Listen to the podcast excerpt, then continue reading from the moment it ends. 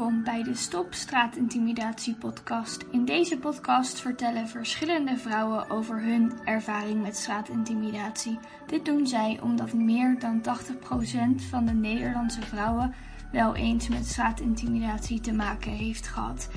In deze aflevering is Lotte te gast. Tijd geleden was ik eh, bij de supermarkt bij mij in de buurt. En toen uh, had ik net boodschap gedaan. En toen was ik uh, terug naar huis aan het lopen. En toen waren er twee jongens en die zeiden iets van... Wat ziet er leuk uit of zo. Of, iets van schatje of zo. Ik reageerde daar niet op, want ik dacht... laat me lekker met rust. Ik heb net mijn boodschap gedaan. Ik ga, ik ga naar huis. En toen, toen zei hij iets van... Oké, ja, dan niet kankerhoer of zo. En toen dacht ik, oké... Nou, en, en ik heb dit echt exacte voorbeeld van zoveel vrouwen gehoord.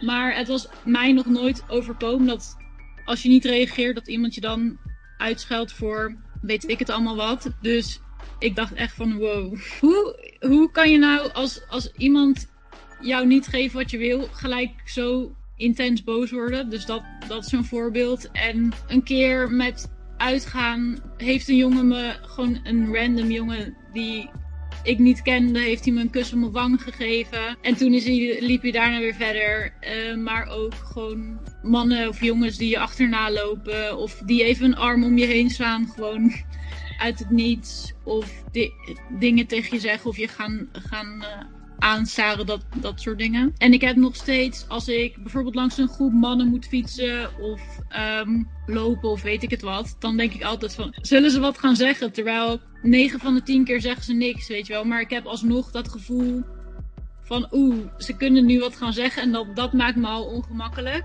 En een ander voorbeeld is, ik woon, ik woon dus in Haarlem en als ik vanaf het station kom, dan kan ik of recht door de stad heen fietsen of ik kan een beetje om de stad heen fietsen dat is iets langer. Maar ik kies er eigenlijk altijd voor om dan niet recht door de stad te fietsen. Nu wel, want nu, nu zijn er eigenlijk geen restaurants open.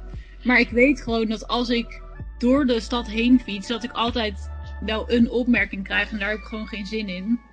Dus dan fiets ik maar de langere weg. Bedankt voor het luisteren naar het verhaal van Lotte. Wil je meer informatie over straatintimidatie? Vergeet dan niet de website en Instagram van Give Us Safe Streets te bekijken. Tot volgende keer.